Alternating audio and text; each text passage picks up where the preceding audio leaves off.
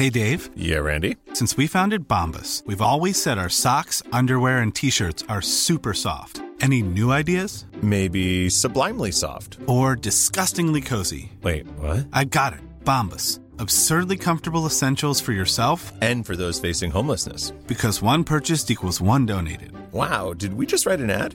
Yes. Bombas. Big comfort for everyone. Go to bombas.com slash ACAST and use code ACAST for 20% off your first purchase.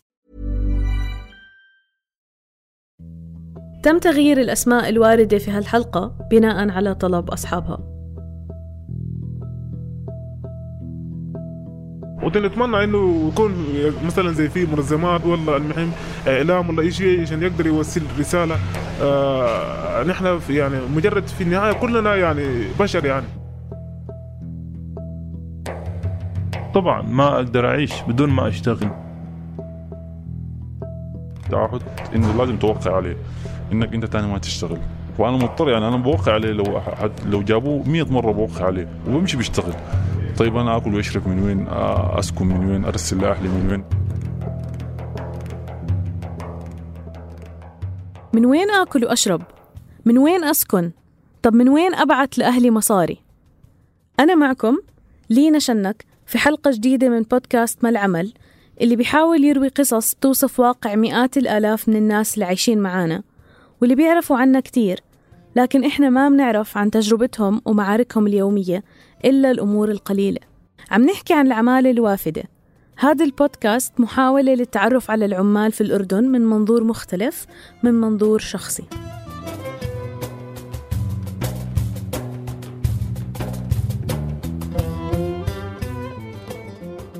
جين مشينا طالبنا برضو قال لنا أنتم مش متزوجين وما وراكم شيء يعني ما بتحتاجوا في ناس أحسن منكم بيحتاجوا المساعدات زي الناس المرضى والناس المتزوجين اللي لهم أسر وهيك هيك هيك هيك. جوني زيارة ألف مرة ناس المفوضية. يشوفوك يقول لك لا انت وضعك كويس وانت يعني عندهم أسئلة كده ما المفروض تسأل يقول لك انت بتاكل لبن بتاكل بيض بتاكل لحم. يعني أنا في النهاية إنسان أنت مالكم ولا أنا اللي باكله. سامي هو شاب سوداني حاصل على شهادة جامعية. هو الابن البكر لعائلة بتعيش في معسكرات النازحين في السودان. صار له في الأردن لوحده أكثر من خمس سنين. وبحسب حسابات المفوضية السامية لشؤون اللاجئين غير مؤهل لمساعدة مادية شهرية. هو واحد من آلاف السودانيين. اللي كتير منهم هرب من جحيم الحرب في دارفور وما إجا عشان يستقر بالأردن بس إعادة توطينه في دولة ثالثة بتاخد وقت طويل. وصار له سنين عالق هون. بحسب أرقام المفوضية السامية لشؤون اللاجئين لشهر تشرين الأول من هذا العام يوجد في الأردن حوالي 5300 سوداني. رح نحكي بهاي الحلقة عن معركتهم اليومية لتحصيل لقمة العيش.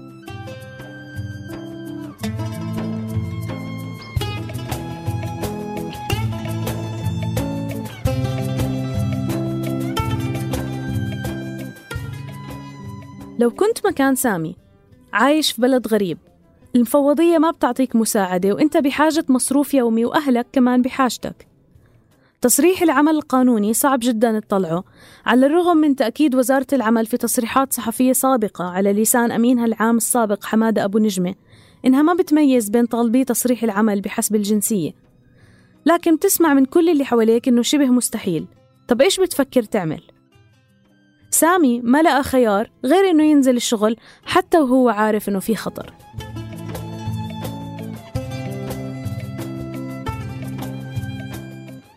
في سيارة توزيع يعني بنودي للفنادق ح- الخام بتاع الحلويات وهم بصنعوها يعني كمعروف في المطاعم تبعتهم. فوقفنا السيارة برا جات سيارة الوافدين. مين شافني هيك؟ يعني ما ما قال لي كلام كثير ولا قال لي طلع جوازك ولا قال لي آه، وين تصريحك طوالي بس مسكني من إيدي وقال لي اركب السيارة. وأنا عرفت إنه هذول الوافدين يعني ما ما في طريقة. أنت آه، معروف إنك أنت ما عندك تصريح عمل. وحتى في الوثيقة مكتوب إنك أنت ما بخول لك العمل في داخل الأردن في الوثيقة. فمضطر إنك أنت تمشي معهم ولا بتاع. مشيت المهم آه، وأخواني لحقوني بالجواز في شباب آه، بعرفهم راحوا جابوا الجواز. وعملوا لي امضاء بتاع تعهد يعني هاي المرة الأولى إحنا هنمسكك فيها هون. إذا مسكناك المره الثانية هنسفرك يعني معروف انهم حتى في ال في ال آه، انهم تعهد إنه لازم توقع عليه. إنك أنت تاني ما تشتغل. فانا مضطر يعني أنا بوقع عليه لو حد لو جابوه 100 مرة بوقع عليه وبمشي بيشتغل.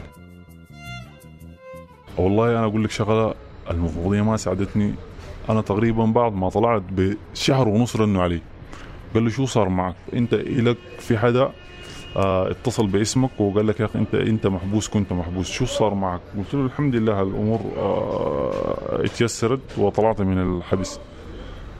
قال لي خلاص بس هيك. أنا محتار يعني بعد شهر ونص رن علي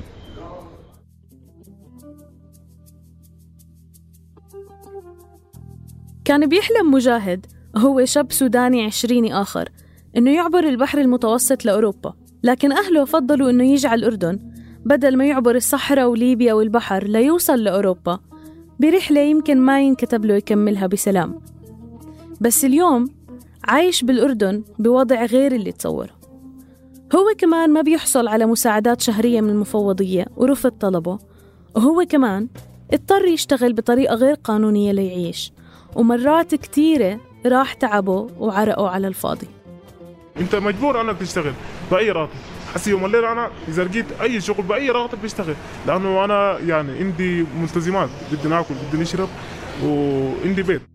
بدون تسريعات لكن بس مجرد الشغل يعني بيشغلوك بشغل شهر. وكمان مرات ممكن تشتغل لحد يوم عشرة ما بدك فلوس. ومرات بقول لك يعني مثلا آه واحد مثلا انت شغل بتاع يوميات يوديك يشغلك بقول لك شغل اشتغل هون مثلا ننقل تراب شغل بتاع مباني هيك هيك. بعدين الزلمة هذا اللي بشغلكم هذا هو أصلا أنت ما بتعرفه اسمه الحقيقي. مثلا بيسمي اسمه أبو عبد الله مثلا أبو محمد هيك كله هيك. وما بتعرف حتى ممكن رقم تلفونه مش حقيقي. خلاص بعدين بعد ما بعد نهاية الشغل خلصته هيك تشتغل يومين ثلاثة خلصت الشغل بقول لك خلص. بعدين ما بتلقى. بقول لك تعال استلم مصاري بكرة بعد بكرة. في النهاية لما تروح بقول لك مين شغلكم أصلا؟ والزلمة شغلكم ما بتعرفوا مجاهد كمان وقع التعهد إياه بإنه ما يشتغل مرة تانية. لكن اليوم وضعه تفاقم. مريض بحاجة لعملية جراحية. بينتظر من شهور دوره ولسه ما حدا أعطاه موعد محدد. ما قدر يدفع إيجار بيته. أيام بلاقي أصحاب ينام عندهم وأيام ما بلاقي. وضعه الصحي والقانوني اليوم ما بيسمح له إنه يشتغل. بس ما في قدامه خيار تاني. ما بقدر بشتغل. وكمان أنا بشت... ممكن أنا أشتغل لكن بخاف يعني لأنه ويعني مش بشتغل في أي مكان يعني. ممكن في مكان مخ... مخفي ممكن أشتغل فيها. لكن يعني خايف يعني. وكمان مجبور إني أنا أشتغل. يمكن نفكر إنه عبد العزيز هو أب لخمسة أطفال وضعه مختلف عن البقية. كونه بيتلقى بالفعل مساعدة شهرية من المفوضية قيمتها 250 دينار. بس الواقع بيحكي غير هيك. كمان عبد العزيز مضطر ينزل السوق أو أي مكان يشتغل وكمان هو ما عنده تصريح عمل قانوني. أكيد.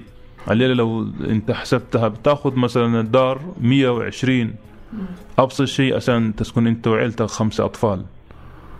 مثلا 120 قديش يظل يعني 130 شو بعملوا مثلا عندك خمسة أطفال؟ بدهم حليب بدهم على الأقل حتى تجيب لهم رز.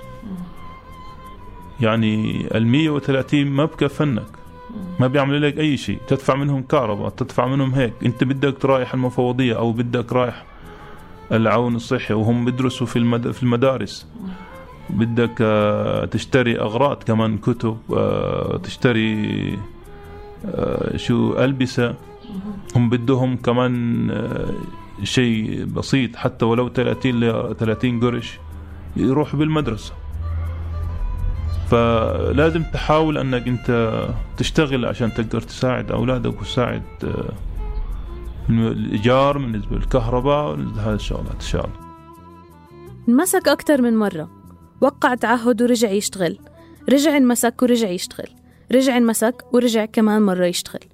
طيب شو هي الاحتياطات اللي بياخدها مجاهد اليوم؟ طبعا. أنا لو محل آه، شاك فيه إنه يمكن الوافدين يمروا بهون اولا بسأل لو في شباب شغالين قبلي بقول لهم مثلا مروا بكم حد مثلا مرة الوافدين جو وقفوا باصهم هون أخذوا منكم شباب. لو قالوا لا بتطمن شوي. برضه منتبه. شفت أي شيء من فيلم. لو قالوا آه ما بشتغل في هذه الحتة. لو قالوا آه بيجونا يعني يمكن في الأسبوع بيجونا مرتين أو ثلاثة ما بيشتغل. لأنه لا قدر الله أنت ما غير منتبه هم بيجوا بيمسكوك. يعني بخش عادي كزول مثلا مقاول هيك بلبسوا مدني. فأنت ما بتعرفهم بيجي مسكك وروحك. هيك. بتصل بتخاف يعني ما حتقدر تشتغل. باختصار هو لازم يشتغل بس لازم كمان يكون صاحي كتير وماخد كل الاحتياطات لأنه ما بيتصور إنه يمر يوم وما يرجع على البيت عند عيلته. ما بيتصور لأنه بالفعل ما بيأمن على عيلته تنام ولا حتى ليلة واحدة بدونه في البلد. حاولنا نتواصل مع المفوضية بخصوص موضوع الحلقة لكن للأسف ما حصلنا على رد منهم. سامي؟ عبد العزيز ومجاهد ثلاث سودانيين في غيرهم كتير ما قدرنا نوصلهم. كلهم طلعوا من بلدهم الأم مش عشان طبعانين في ثروة طلعوا عشان بس بدهم يعيشوا.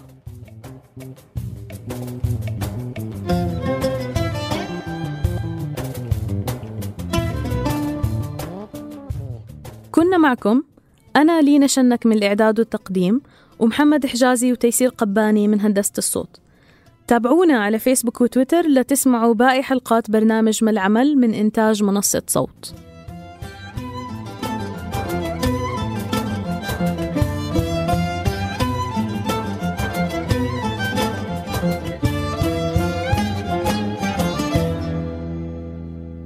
تم إصدار هذه الحلقة بدعم من مؤسسة هنريش بول الألمانية مكتب فلسطين والأردن.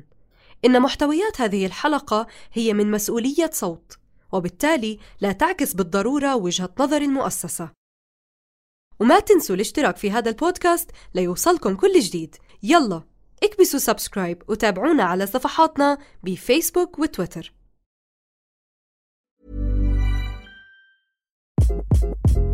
Hi, this is Craig Robinson from Ways to Win, and support for this podcast comes from Invesco QQQ. The future isn't scary, not realizing its potential, however, could be. Just like on the recruiting trail, I've seen potential come in many forms as a coach. Learn more at Invesco.com slash QQQ. Let's rethink possibility. Invesco Distributors, Inc.